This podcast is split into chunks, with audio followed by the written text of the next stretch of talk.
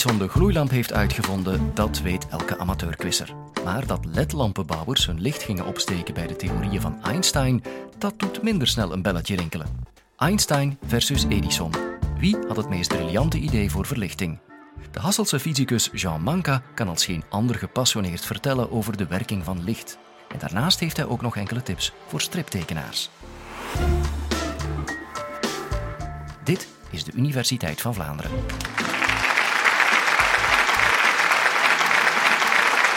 In de tekenfilms en reclame wordt de gloeilamp vaak gebruikt als symbool voor een briljant idee. De gloeilamp is ontwikkeld rond 1879 in het laboratorium van Thomas Edison in Menlo Park in de Verenigde Staten. Dat de gloeilamp nu synoniem is voor een briljant idee, heeft ongetwijfeld te maken met de gigantische impact die de gloeilamp gehad heeft. Wij staan er niet bij stil. Voor ons is elektrische verlichting een evidentie.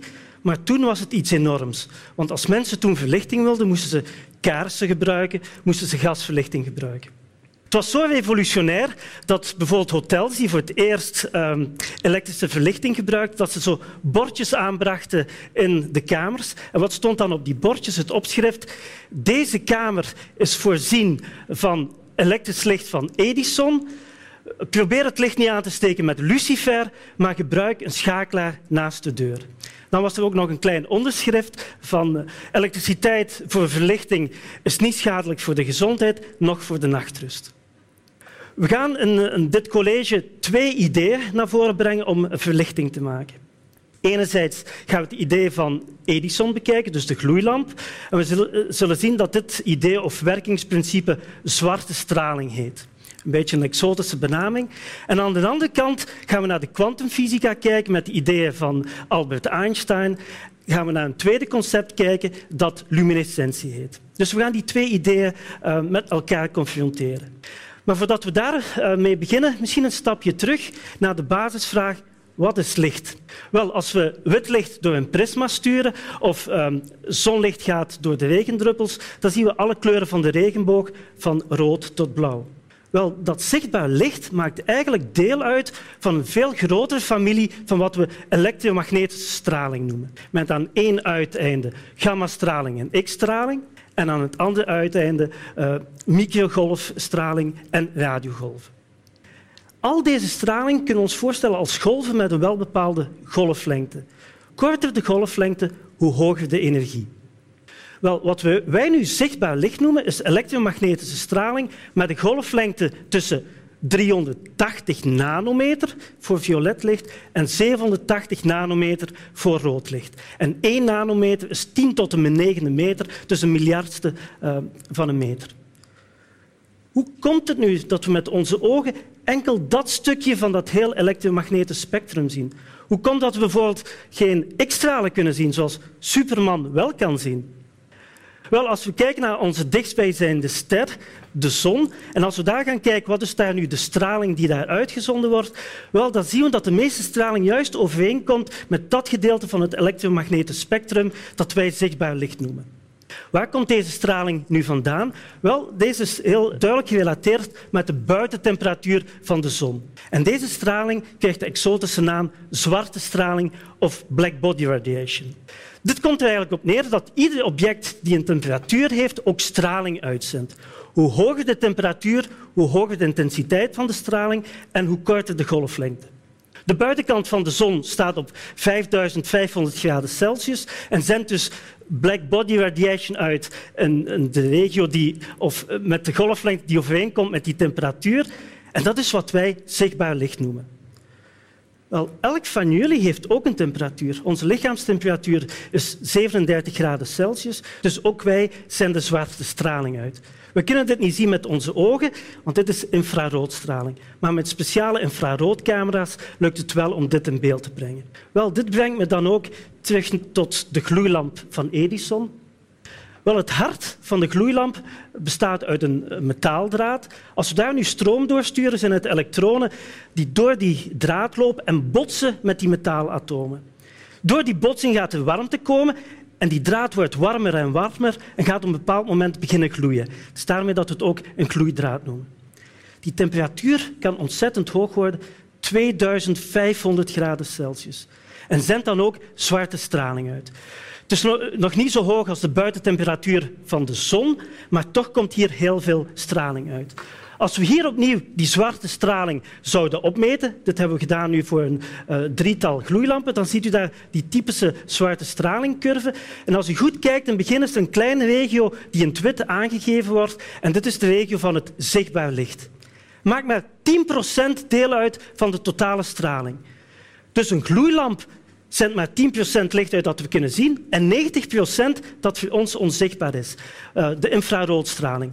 Wat eigenlijk maakt dat een gloeilamp zeer inefficiënt is. Als we nu s'nachts vanuit de ruimte zouden kijken naar de aarde, dan zouden we zien dat de aarde heel mooi verlicht is. 20% van al onze elektriciteit gaat naar verlichting. Dus met de grote klimaatuitdagingen en energieuitdagingen waar we voor staan, is een energie-efficiënte verlichting dus essentieel. Om tot een meer energie-efficiënte verlichting te gaan, uh, kunnen we kijken naar de natuur om daar wat inspiratie uit te halen. Als we bijvoorbeeld kijken naar het fantastische schouwspel van het poollicht of het fascinerende uh, licht van de vuurvliegjes, daar hebben we licht, maar daar zijn geen hoge temperaturen die, die daaraan te pas komen. Dus we hebben daar een mechanisme dat verschilt van de zwarte straling. Om dit nu te illustreren wil ik jullie dit experimentje tonen. Dit experimentje zal ook tegemoetkomen aan de zeer prangende vraag wat doen jullie als jullie gloeilamp stuk is en dat jullie enkel beschikken over een pot met augurken? Dus we gaan nu zo'n augurk nemen. We gaan dit nu connecteren met een aantal elektrodes. Voor het gemak heb ik hier dan twee vorken genomen. Probeer dit alsjeblieft niet thuis. Ik ga nu deze augurk mooi connecteren. Dit is nu verbonden met een spanningsbron. Ik zet die spanningsbron nu op. En we gaan nu langzaam, letterlijk en figuurlijk, de spanning opvoeren. En kijkt u goed wat de augurk doet.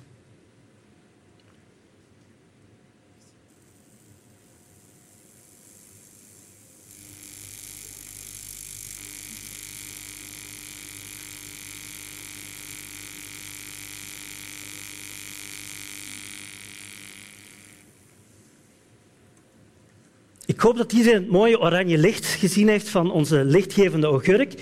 En ik kan er ook met mijn vinger aankomen uh, zonder me te verbranden. Dus we hebben hier niet die ontzettend hoge temperaturen van de zon of van een gloeidraad.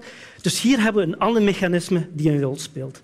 Wel, om dit nu te kunnen verklaren, moeten we naar de kwantumfysica en naar de ideeën van Albert Einstein. In 1905, het uh, wonderjaar van Albert Einstein, had hem onder andere een verklaring gegeven voor het fotoelektrisch effect. Dat is een effect dat als we licht instralen op een metaal, dat er elektronen vrijkomen bij wel bepaalde kleur van licht. Dus voor dit fotoelektrisch effect dat Albert Einstein later ook de Nobelprijs gekregen heeft en dus niet voor de relativiteitstheorie. We hebben daarnet gezegd dat licht een golf is, maar wat gaf Einstein aan? Dat licht eigenlijk bestaat uit lichtdeeltjes, de zogenaamde fotonen. En ieder foton kunnen we ook beschouwen als een pakketje energie. Energie die volledig samenhangt met de kleur van dat licht. Wel, nu in de vanuit de kwantumfysica weten we dat de elektronen in een atoom uh, discrete energieniveaus kunnen hebben. Dus een elektron kan zich op dit niveau bevinden en op dit niveau, maar nergens tussenin. Als nu een elektron van een hoger energieniveau terugvalt naar een lager energieniveau, dan zal er licht uitgezonden worden onder de vorm van een foton.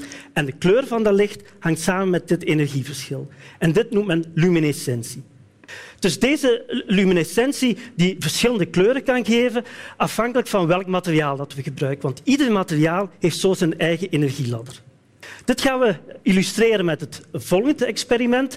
En voor dit experiment zou ik graag twee vrijwilligers uit het publiek willen vragen.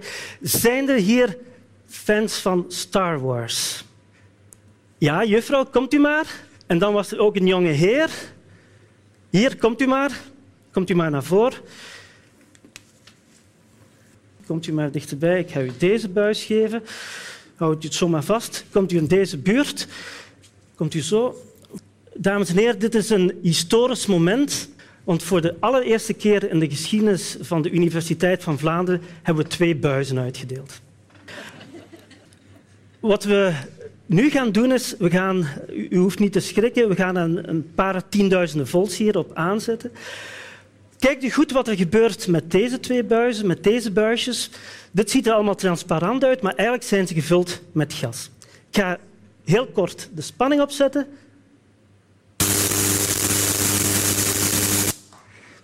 U heeft gezien dat die buisjes licht gaven. Ook deze TL-buis eh, gaf licht. Weet iemand waarvoor TL staat? Wel, TL komt van het Frans tube luminescent, lichtgevende buis of luminescerende buis. En dus een TL-buis werkt ook volgens het principe van de luminescentie en dus niet volgens het principe van een zwarte straling zoals een gloeilamp. En daarmee dat een TL-buis ook energie-efficiënter is dan een uh, gloeilamp. We hebben ook gezien dat die verschillende gasbuisjes telkens een andere kleur gaven. Dat komt omdat ieder gas zo zijn unieke fingerprint heeft, zo zijn unieke energetische structuur en dus unieke kleur voortbrengt. Uh, als jullie naar de langs de autostrades die natriumlampen zien, geven zo typisch een oranje kleur. En dat is niet toevallig de kleur die we ook gezien hebben in die augurk, gaf ook een oranje kleur. Hoe komt het nu? Wel, in zo'n augurk zit natriumchloride de zout. En we hebben eigenlijk van die eh, augurk een soort natriumlamp gemaakt. Als we licht krijgen uit die augurk, komt het omdat we daar elektriciteit doorsturen. Wel, stroom, elektrische stroom die door een materiaal aanleiding geeft tot licht, dat noemen we elektroluminescentie.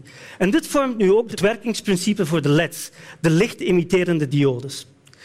Dus lichtemiterende diodes maken gebruik van halfgeleidend materiaal. Als we deze LED's connecteren aan een spanningsbron. Wat er gebeurt is opnieuw, elektronen komen in een hoger energieniveau, vallen naar een lager energieniveau en zenden dan licht uit. Hoe kunnen we daar nu spelen met kleur van het licht? Wel, als we een rode led willen, rood licht heeft een kleine energie, dus dan hebben we halfgeleiders nodig met een klein energieverschil. Willen we een andere kleur van licht? Wel, dan, dat is hoger energetisch. betekent dan ook dat we een halfgeleider nodig hebben met een grotere afstand tussen uh, de energieniveaus. De rode leds uh, worden al jarenlang massaal gebruikt in allerlei toepassingen. Jullie kennen dat zeker thuis als verklekenlampjes in tv's en radio's. Witte leds beginnen nu ook uh, steeds meer op te komen. U kan de thuisverlichting kan het ook als gewone uh, spitslamp gebruiken. Dit heeft wel iets langer geduurd voordat dit op de markt kwam. Wel, het probleem met de witte led is, u weet, wit licht bestaat uit verschillende kleuren. En het is juist voor het maken van de blauwe kleur dat daar wat problemen in waren. Blauwe leds bleek toch niet zo evident zijn om dit uh, te ontwikkelen. Dat is ondertussen wel opgelost. En voor de blauwe led is in 2014 ook de Nobelprijs Fysica toegekend. Maar de ontwikkeling naar de verlichting van de toekomst stopt niet hiermee. Um, aan de Universiteit Hasselt wordt uh, onder andere onderzoek gedaan naar printbare verlichting, plooibare verlichting. Ik heb daar voor jullie een voorbeeldje van meegenomen. U ziet hier een stukje textiel. En op dat stukje textiel is halfgeleide materiaal opgeprint.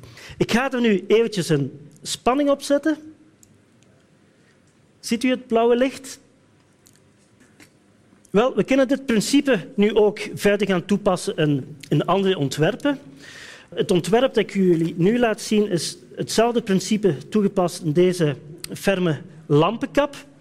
En u ziet als ik hier nu de spanning ga opzetten, beginnen licht te geven. Wel, u kan zich voorstellen dat uit deze ontwikkelingen heel veel nieuwe toepassingen komen. We kunnen denken aan lichtgevend behangpapier, lichtgevende uh, gordijnen of misschien zelfs lichtgevende verf. Voordat we komen tot het slot van dit college wil ik jullie ook een zelfstudieopdracht meegeven. Wat heeft u daarvoor nodig? Wel, als u thuis komt, u neemt een hamer, u neemt een suikerklontje en u gaat in een goed verduisterde kamer zitten. U zorgt ervoor dat uw ogen goed wennen aan de duisternis. En wat u dan doet, u slaat heel hard met de hamer op het suikerklontje. En als alles goed verloopt, gaat u daar een mooi luminescentieverschijnsel krijgen in de vorm van blauw licht. Zeker doen. Zo komen we tot de conclusies van, deze, van dit eh, college. Wel, de gloeilamp van Edison was inderdaad een briljant idee in de 19e eeuw. Maar met de opkomst van de kwantumfysica en de ideeën van Albert Einstein zijn we toch tot een meer belangrijke idee gekomen in de geschiedenis van de wetenschap. Het heeft geleid tot revolutionaire nieuwe toepassingen, computers, LEDs. We hebben gezien dat LEDs veel energie-efficiënter zijn dan gloeilampen, gaan ook veel langer mee en hebben heel wat eh, creatieve mogelijkheden. Voor de striptekenaars onder jullie misschien, als jullie in de toekomst nog ergens een briljant uh, idee willen voorstellen, teken misschien boven het hoofd van een personage een klein ledje.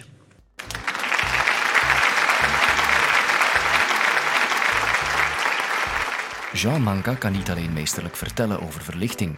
Hij doet ook razend interessant onderzoek naar nieuwe methodes om energie te genereren.